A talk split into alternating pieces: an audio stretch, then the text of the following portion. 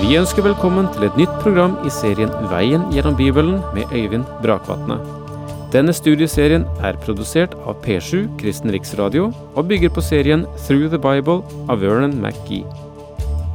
I dag fortsetter vi med Johannes' åpenbaring.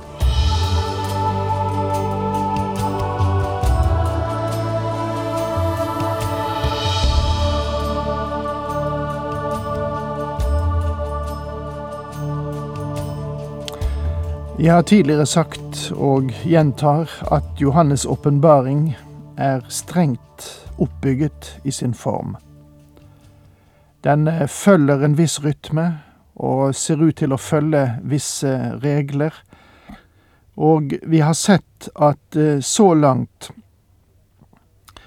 eh, er, er det lagt sten på sten, ikke til byrden, men til byggverket, når det gjelder åpenbaringsboken. Og vi nå møter, møter nå tre serier på syv enheter hver. Og der vi først får seks enheter, så er det et mellomspill. Og så kommer den syvende enhet som en stor og kraftig utløsning.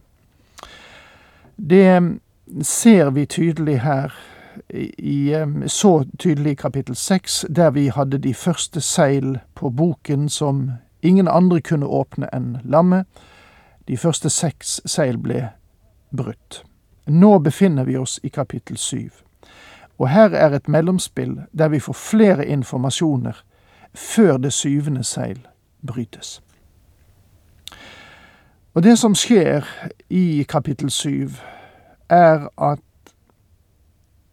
det er noe som må beseiles, noe som skal sikres, før det syvende seilet brytes.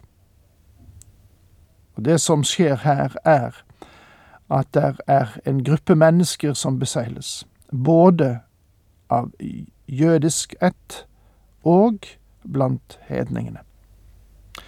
Og de som skal beseiles, er de som skal være vitner under trengselstiden.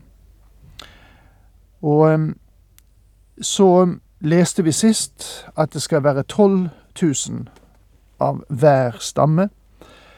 Tolv stammer, til sammen 144 000.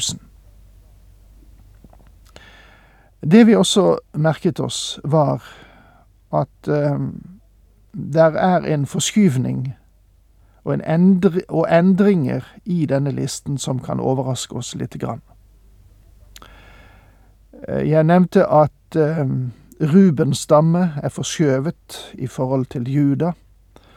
Ruben burde egentlig stått først, hvis det først fulgte alder, som det gjør på de øvrige, blant uh, Jakobs sønner. Og vi ser også at Dan og Efraim stammer er utelatt av listen. Og jeg sa at begge disse stammene var skyldige i å føre folket inn i avgudsdyrkelse, og det kan tenkes å være årsaken til at de ikke er der. Men selv om disse har vært skyldig i avgudsdyrkelse, så betyr ikke det at Gud slipper taket i dem. Det bare betyr at deres vitnetjeneste under den store trengsel ikke blir en virkelighet. For eh, Herren har lovet at eh, også Efraim skal bevares. Det sies i Hosea 4 vers 17 Efraim er bundet til gudebilder, la ham bare fare. Men eh, eh, samtidig så eh, viser Guds ord videre at eh, han ikke lar Efraim fare. I listen over de 144 eh, 000 som vil bli beseglet, er det Josef som tar Efraims plass, og Dan tar Levis plass. Levi var prestestammen, og de skal være vitner under den store trengselsperiode. Og det er på sin plass. Og jeg går ut fra at vi nå kan forstå og se at Gud har igjen vendt seg til Israels folk, gjennom det som nå skjer her i åpenbaringsboken. Han har ikke gitt dem opp. Han sa, Hvordan kan jeg oppgi deg, Efraim, som det står i Hosea 11, vers 8. Med andre ord sa Gud, jeg kan ikke gjøre det. Og Gud gav dem ikke opp, De skal føres gjennom den store trengsel, selv om de i denne perioden ikke er brukbare som vitner for Gud. Det gamle testamentet er fullt av profetier Gud har gitt dette folk om at de skal være et folk for alltid, og at de skal være i sitt land for alltid. Om du kommer til Det nye testamentet og avskriver Israel og inntar den holdningen at Gud er ferdig med dem, så er du i strid med selve nerven og grunntonen i Det gamle testamentet. Og her møter vi altså Israel igjen. Og Jeg har tidligere sagt at åpenbaringsboken er som en sentralstasjon eller som en stor flyplass der tog eller fly kommer inn fra mange retninger.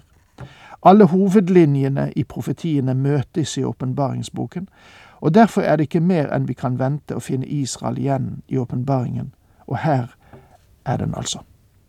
Israel betyr Israel.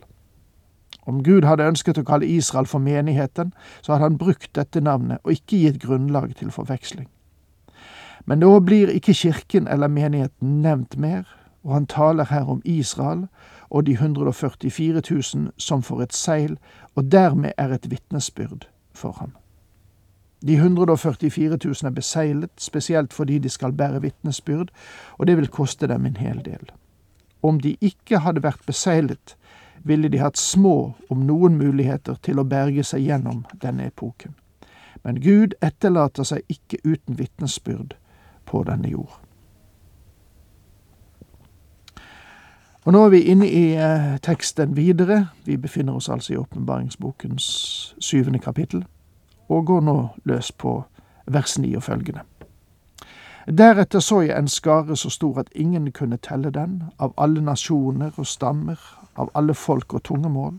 De sto foran tronen og lammet, kledd i hvite kapper og med palmegrener i hendene, og de ropte med høy røst. Seieren tilhører vår Gud, Han som sitter på tronen, og lammet. Deretter så jeg. Johannes både ser og hører det han beskriver for oss. Deretter så jeg en skare så stor at ingen kunne telle den.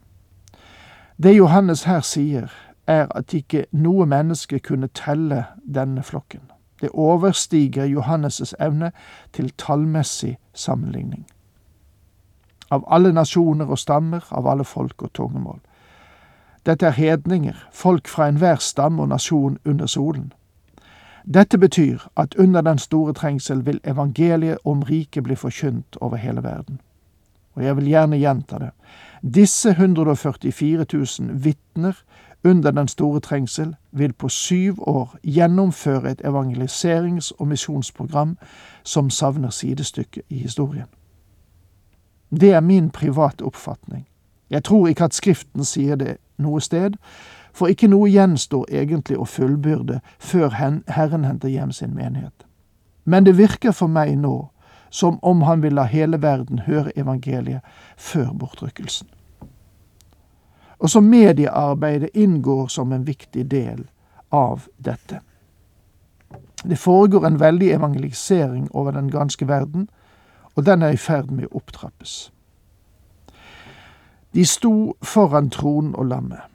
Her er altså en stor skare som er kommet ut av den store trengsel og fryder seg i sin frelse. De er forløst og er kommet gjennom denne trengselsperiode. Får jeg igjen understreke at det ligger veldige seire og venter på Guds folk også i fremtiden. Det er mulig at de fleste av denne veldige gruppen led martyrdøden under den store trengsel, men de var tro til enden. Den Herre Jesus sa i sin tale på Oljeberget, når han talte om uh, denne samme perioden, men den som holder ut helt til slutt, han skal bli frelst. Matteus 24, vers 13. Holdt de ut til slutt fordi de bet tennene sammen, fordi de knyttet nevene og heiste seg selv opp etter håret?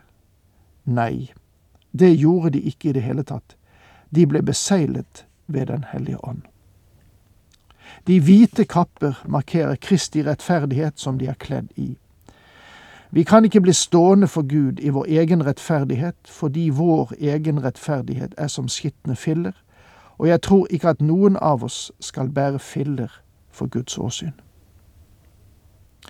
Palmegrener er på gresk bokstavelig palmetrær.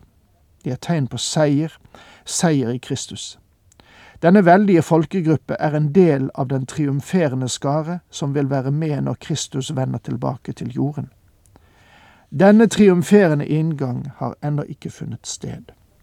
Og du kan nesten si at det var en triumferende utgang da Jesus red inn i Jerusalem på en eselfole, for han gjorde seg rede til å forlate jorden, og han var på vei til korset ved denne tid. Siden da er det en veldig skare mennesker som har kommet til ham, og under den store trengsel vil enda store skarer legges til. Og når han vender tilbake til jorden, vil denne store skare som led martyriet for ham under den store trengsel, bli inkludert i den første oppstandelse, og de vil være der. Dette er et vidunderlig og herlig bilde som tegnes opp for oss. Alle englene som sto i en krets om tronen, og de eldste og de fire vesener kastet seg ned for tronen med ansiktet mot jorden, og tilba Gud og sa Amen. All lov og pris og visdom, takk og ære, makt og velde tilhører vår Gud i all evighet. Amen.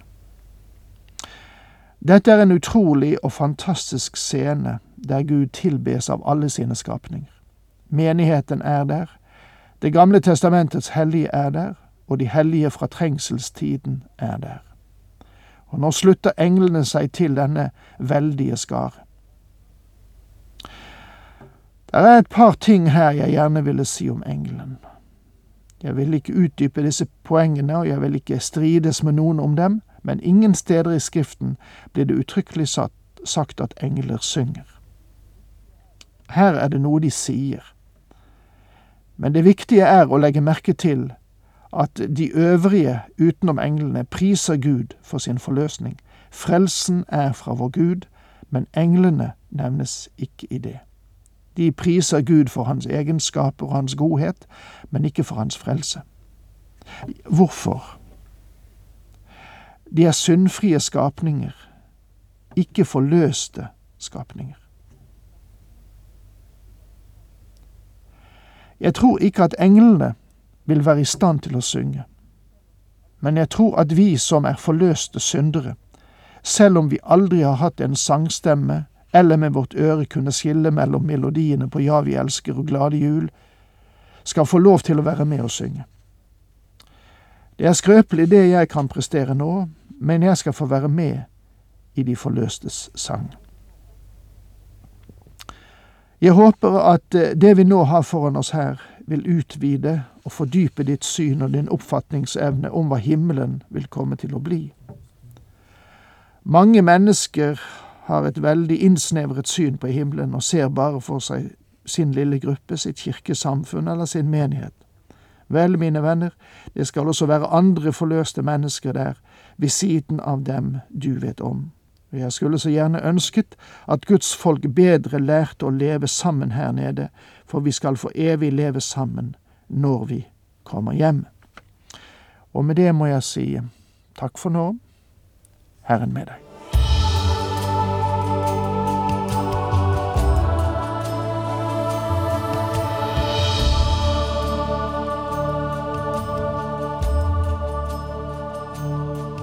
Du hørte Øyvind Brakvatne i studieserien Veien gjennom Bibelen. Serien bygger på et manus av Vern McGee. Har du spørsmål eller kommentarer til programmet, kan du sende en e-post til vgb krøllalfa p7.no. Takk for i dag, og på gjenhør.